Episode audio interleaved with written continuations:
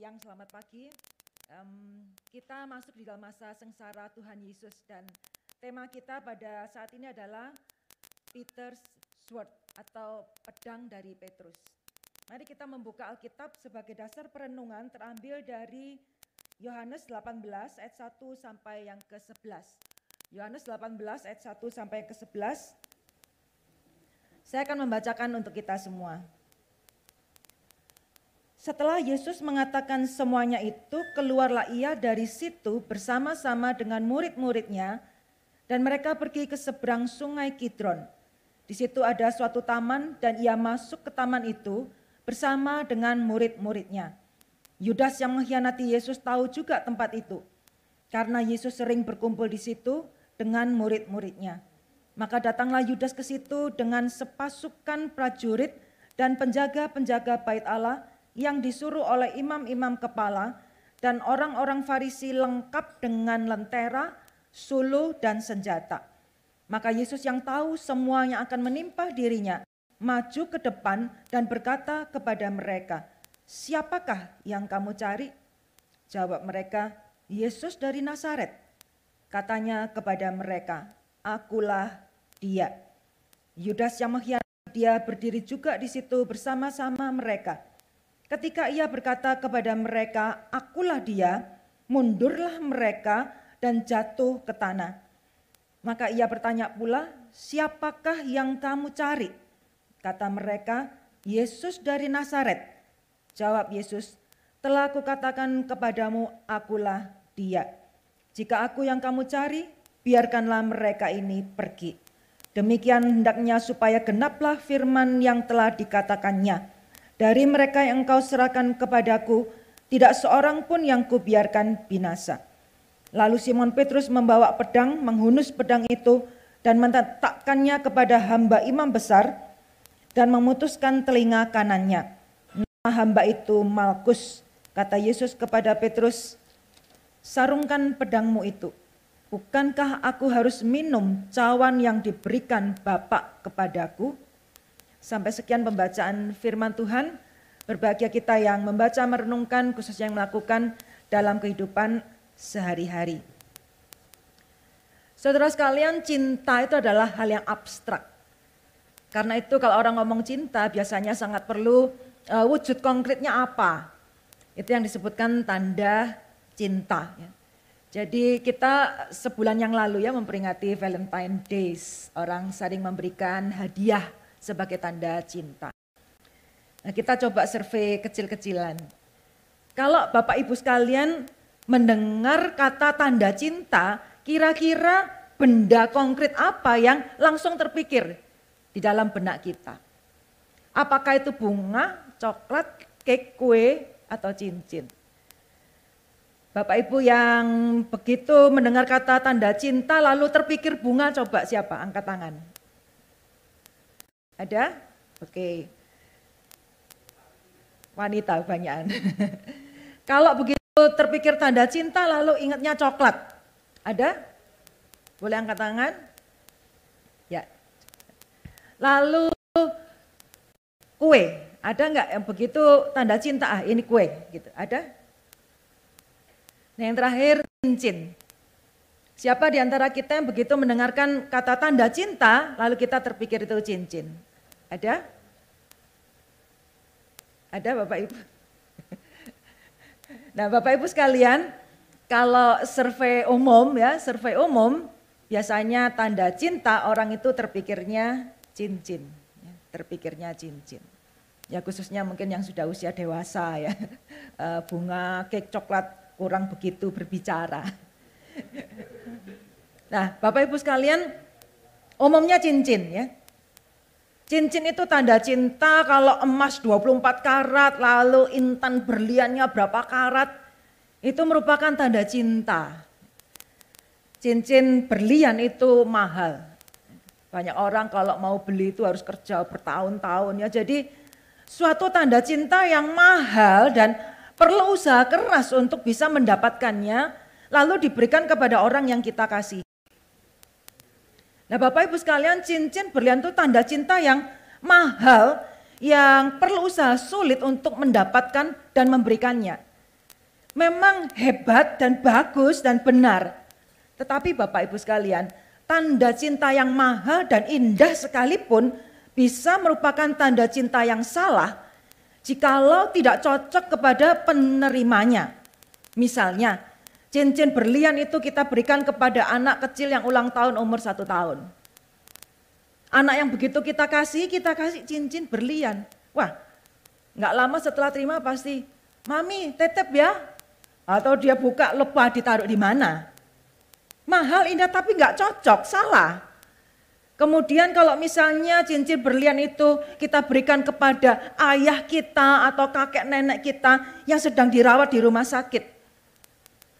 Mungkin karena sekarang menderita corona ya. Itu mahal berharga tetapi pada waktu diberikan kepada orang yang sakit nggak bisa apa-apa. Maka yang mahal dan indah ini tidak berguna, salah. Bisa menjadi salah ya kalau dia pakai cincin itu dia nggak sadar bisa dicuri ya kan. Malah bahaya. Jadi Bapak Ibu sekalian, suatu tanda cinta itu bisa salah kalau tidak sesuai dengan orang yang kita tuju. Nah hari ini kita belajar tentang Petrus. Petrus itu cinta sama Tuhan Yesus. Dan Petrus pada waktu itu memberikan tanda cintanya dengan memberikan pedang. Dia menghunus pedangnya dan dia mau membela Tuhan Yesus. Suatu tanda cinta yang perlu pengorbanan yang sangat besar, resiko yang sangat besar. Tetapi tanda cinta ini salah. Nomor satu karena dia kurang mengenal siapakah Tuhan Yesus. Tidak mudah saudara sekalian bagi Petrus yang adalah orang biasa pada waktu itu. Ketika dia berhadapan dengan dikatakan di situ satu pasukan prajurit dan penjaga bait Allah. Orang mengatakan ini puluhan, bahkan yang dibilang ratusan. Ya katakanlah puluhan orang serdadu dengan senjata yang lengkap. Pasti badannya gempal ya, besar, tinggi besar. Lalu penjaga bait Allah. Tidak mudah bagi Petrus sebenarnya. Memerlukan keberanian, cinta yang sangat besar untuk membela Tuhan Yesus. Tetapi tetap tanda cinta itu salah karena dia kurang mengenal Yesus. Saudara sekalian, kisah sengsara ini memberitahukan kepada kita. Satu, Yesus yang pada saat itu ada di dalam peristiwa itu, dia adalah Allah yang tahu segala sesuatu. Ya, slide-nya jangan dipindah. Yesus adalah Allah yang tahu semua. Di sini dikatakan Yesus yang tahu semuanya akan terjadi, Yesus tetap pergi ke tempat meeting point dengan para murid. Ya Yesus juga senang pemandangan ya pakai riverside situ Kidron. Uh, taman lalu pilih pinggir sungai. Yesus tahu, tahu, tapi dia tetap pergi ke tempat meeting point yang biasa dan dia tahu apa yang akan terjadi di situ. Yesus tahu semuanya itu jadi, soal sekalian Yesus bukan korban. Ini bukan kecelakaan, ini bukan jebakan yang tidak diketahui Tuhan lalu kena ketangkap di situ. Saudara sekalian, Yesus adalah Allah yang berdaulat. Di dalam drama penangkapan itu, seolah-olah Yesus itu korban. Seolah-olah pemenangnya adalah puluhan prajurit. Para penjaga bait Allah, Yudas itu. Seolah-olah itu lakonnya. Seolah-olah mereka yang menang. Seolah-olah mereka subjek. Tapi Alkitab dengan jelas mengatakan Yesus tidak membiarkan itu terjadi. Yesus tidak pernah membiarkan dirinya menjadi objek. Dia adalah subjek. Sehingga di dalam drama gelap malam itu, dia yang mengambil inisiatif. Siapa yang kamu cari? Siapa yang kamu cari? Dan dia dua kali menanyakan hal itu. Itu berarti Yesus adalah Allah yang berdaulat. Yang terjadi adalah sesuai dengan rencana dia. Dia bukan korban, bukan kecelakaan. Nah saudara sekalian, dikatakan di situ, dia bertanya, siapakah yang kamu cari. Tentu saja ini bukan berarti Yesus tidak tahu. Bukan. Bukan Yesus tidak tahu, bukan Yesus pura-pura tidak tahu. Tetapi satu penegasan, dia adalah tokoh utama. Dia adalah subjek, dia bukan korban. Nah kemudian dia menjawab pertanyaan mereka, akulah dia, akulah dia.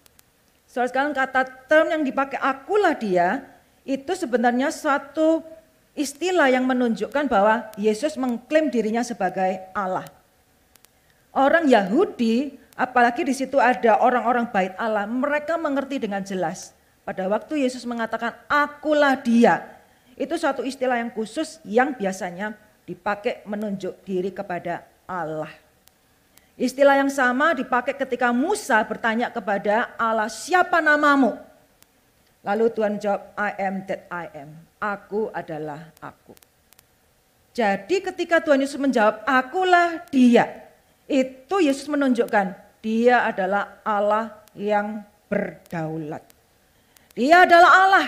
Dia sekali lagi bukan korban.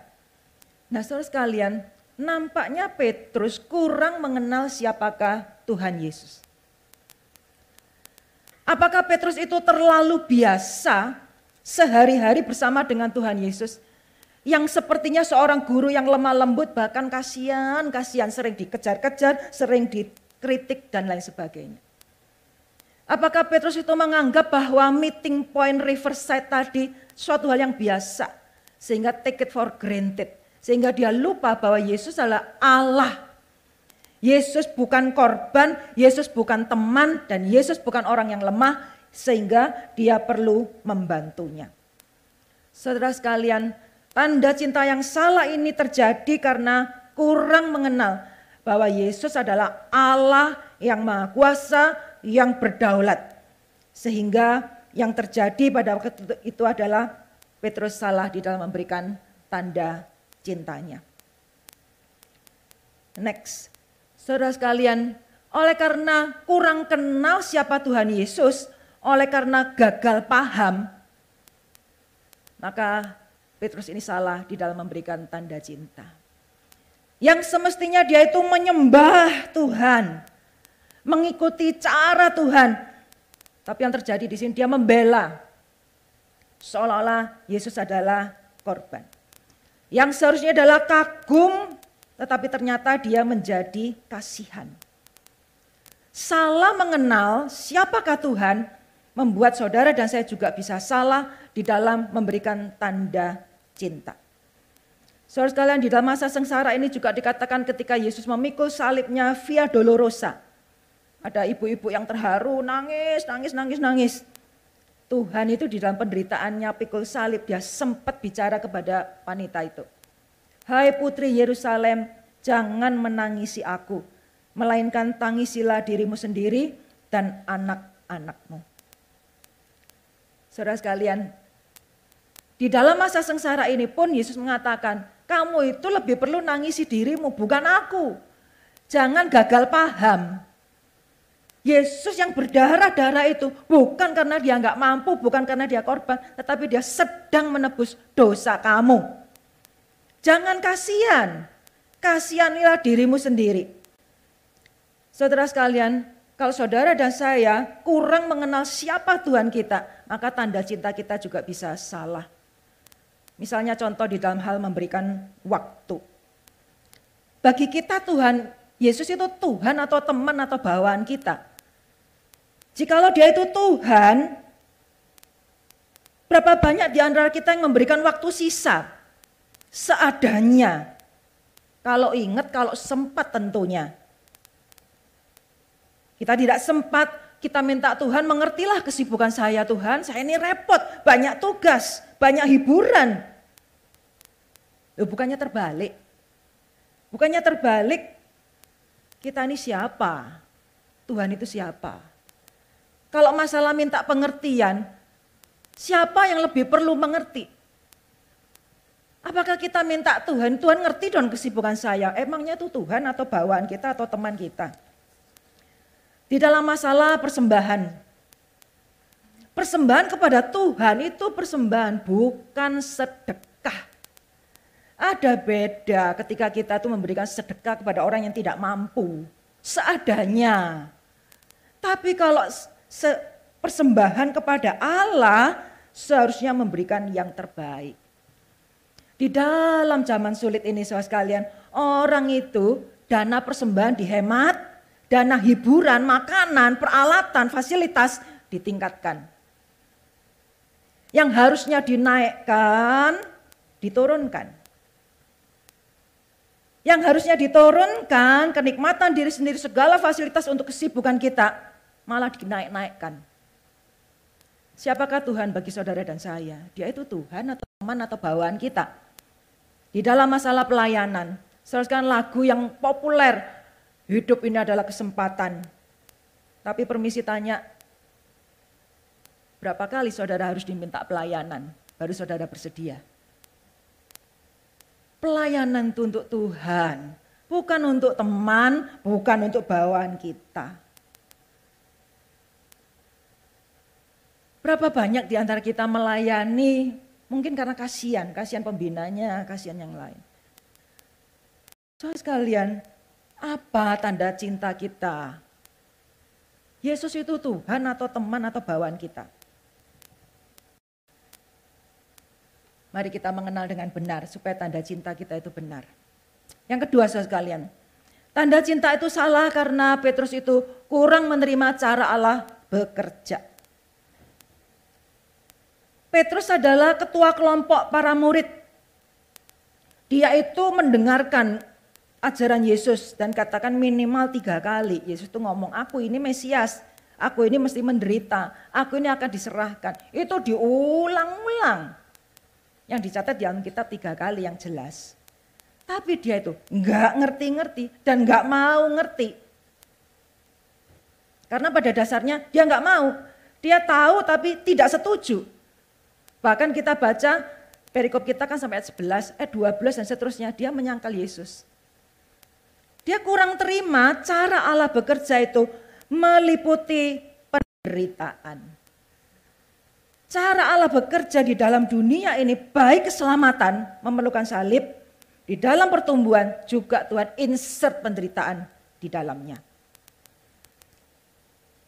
Sehingga Tuhan di situ mengatakan, mengulang lagi ya, di dalam drama malam-malam tegang itu, Tuhan masih mengulang pelajarannya sekali lagi.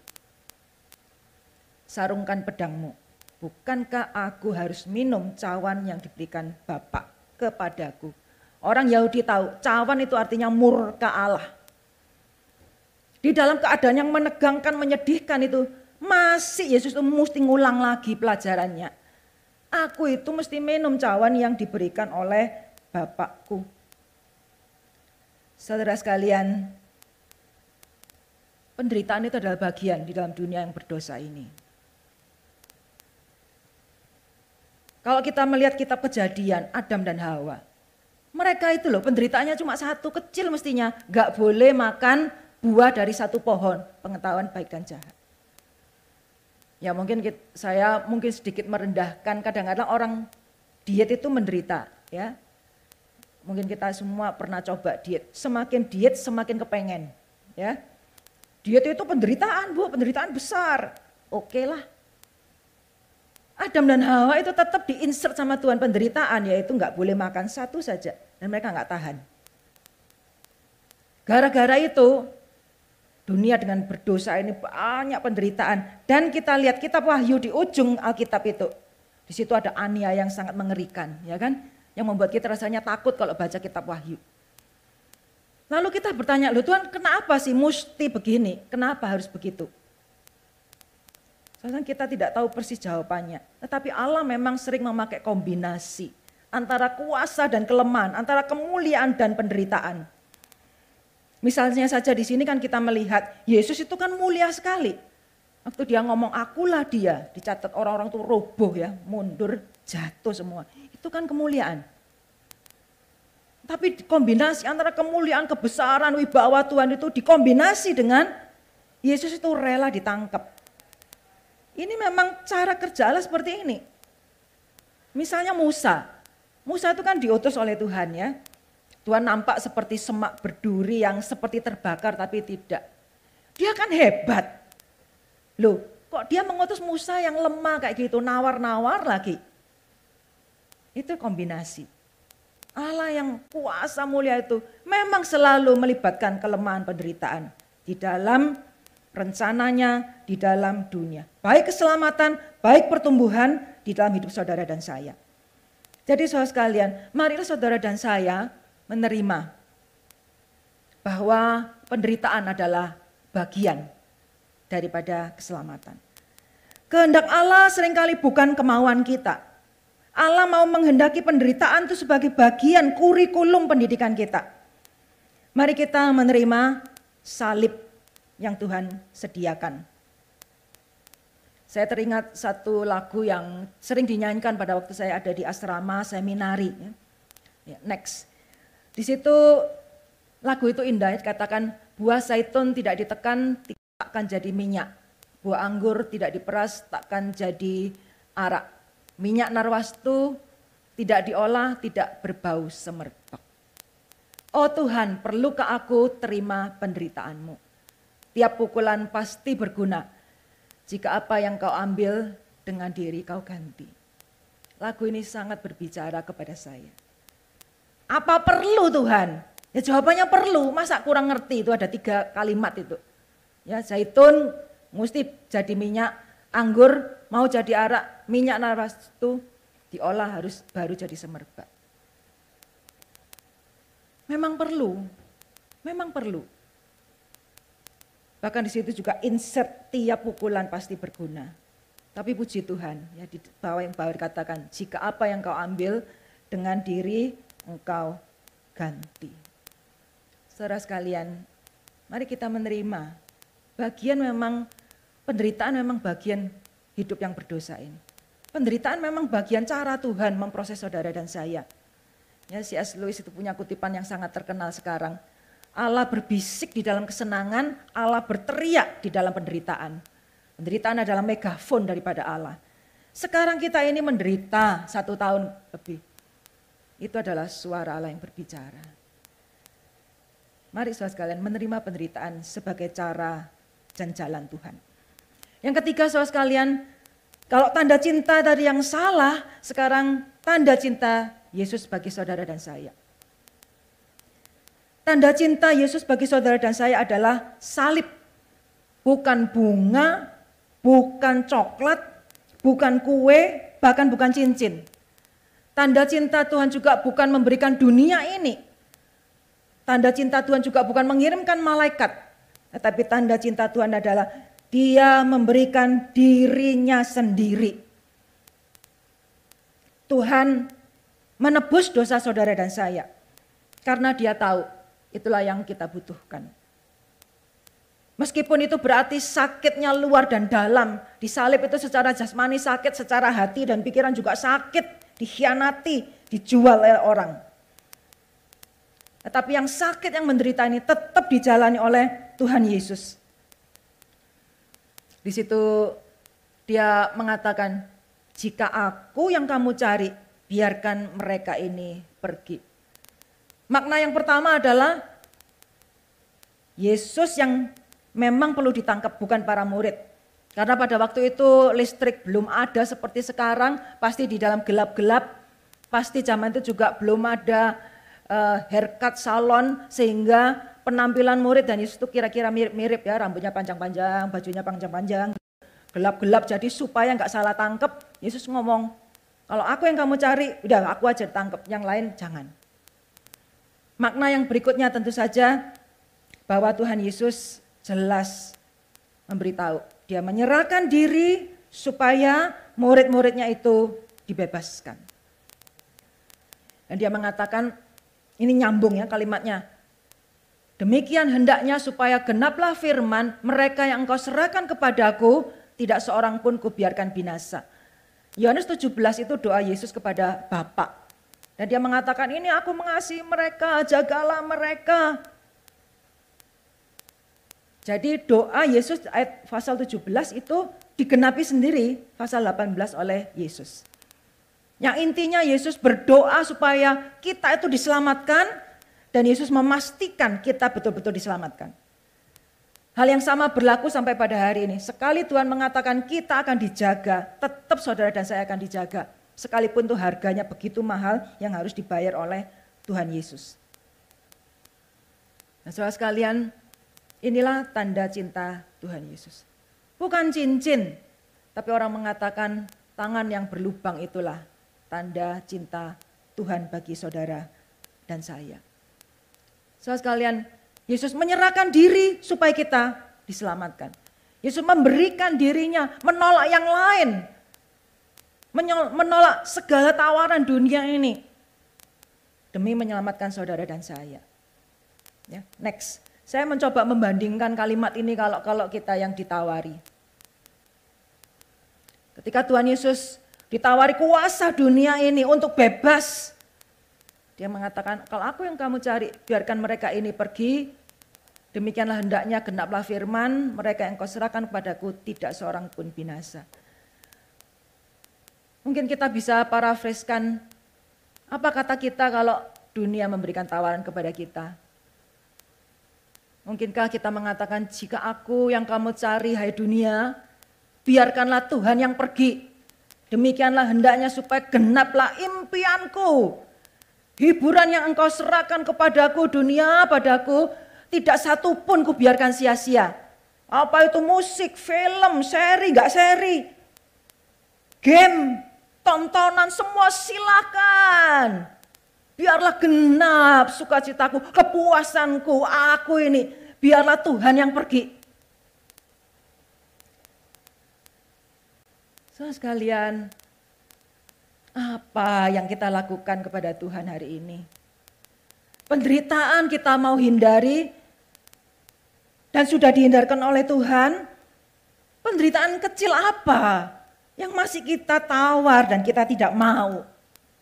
Betapa mudah kita menghirup, menerima semua tawaran.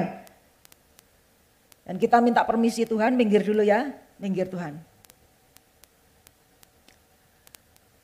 So, sekalian tanpa sadar kita menjual diri. Tanpa sadar mungkin kita menjadi Yudas bahkan Petrus. Mari dalam masa sengsara ini kita mengingat kembali. Bahwa Yesus yang mencintai saudara dan saya.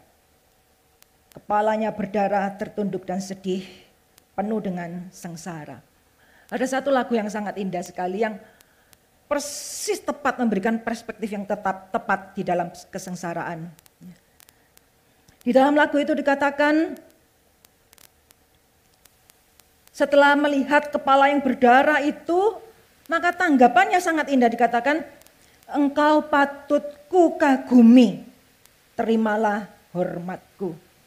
Oh wajah yang mulia yang patut disembah dan layak menerima pujian. Sekarang diludahi, dihina, dicerca, disiksa, dilukai. Yang salah siapa? Masa sengsara ini jangan gagal paham. Kita ini yang perlu dikasihani. Jangan gagal paham, dia Tuhan. Bukan teman, bukan bawaan kita. Dia bukan korban, gak perlu kasihan. Tapi yang perlu saudara dan saya renungkan, tanda cinta apa yang kita berikan kepada dia. Kalau kita setelah ini akan banyak melihat tontonan film atau video tentang Yesus berdarah-darah. Satu hal yang perlu kita pikirkan, Tanda cinta apa yang kita berikan kepada dia? Waktu, tenaga, pikiran pelayanan. Mari kita memberikan tanda cinta yang benar. Mari kita memasuki waktu teduh. Dan kita akan mendengarkan lagu ini dinyanyikan.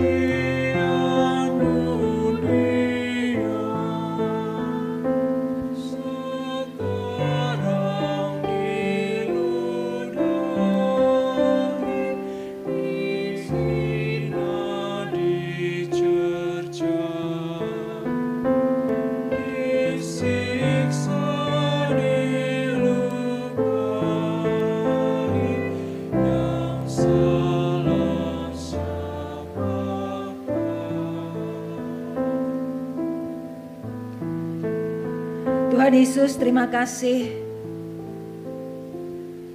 Engkau tetap mencintai kami Tuhan. Terima kasih Engkau menyerahkan dirimu supaya kami diselamatkan. Tolong kami Tuhan, memberi tanda cinta dengan benar, dengan mengenal bahwa Engkau adalah Tuhan. Sehingga kami ini benar di dalam memberikan waktu, persembahan, dan pelayanan. Kami berdoa Tuhan mohon ampun segala dosa kesalahan kami. Ampunilah kalau kami sering memberikan sisa tenaga, sisa waktu, sisa pikiran kami. Ampuni kami sering merasa tidak sempat Tuhan berdoa, baca Alkitab apalagi melayani. Mana sempat? Ampuni Tuhan kami kalau kurang memberi. Ampuni kami kalau untuk kepentingan kenikmatan hiburan kami mau membeli, membayar lebih mahal. Ampuni kami Tuhan kalau untuk gereja, untuk persembahan, untuk pelayanan, untuk menolong orang lain, kami terlalu banyak berhitung. Ampuni Tuhan kalau di dalam pelayanan kami kurang memberikan yang terbaik. Kami sering berpikir sudah bagus saya mau melayani Tuhan, orang lain enggak. Ampuni kami Tuhan, kami mungkin terlalu terbiasa dengan kebaikan Tuhan, pengertian dan pengampunan Tuhan. Ampuni kami Tuhan. Kiranya doamu tetap boleh berlaku atas kami bahwa tidak ada seorang pun di antara kami yang kau biarkan jatuh dan hilang. Berikan kesempatan kepada kami semua Tuhan bertobat. Menyembah Engkau sebagai Tuhan. Bukan teman dan bawahan kami. Ampuni kami Tuhan, sucikan kami. Supaya kami boleh betul-betul melewati masa sengsara ini dengan hormat dan benar. Sehingga nanti pun kami boleh menikmati sukacita kebangkitan. Karena kami terlebih dahulu mati bersama dengan Tuhan. Dengarlah doa kami, kiranya Allah Roh Kudus yang berkenan meteraikan firman-Mu dalam hati kami. Di dalam nama Tuhan Yesus kami berdoa. Amin.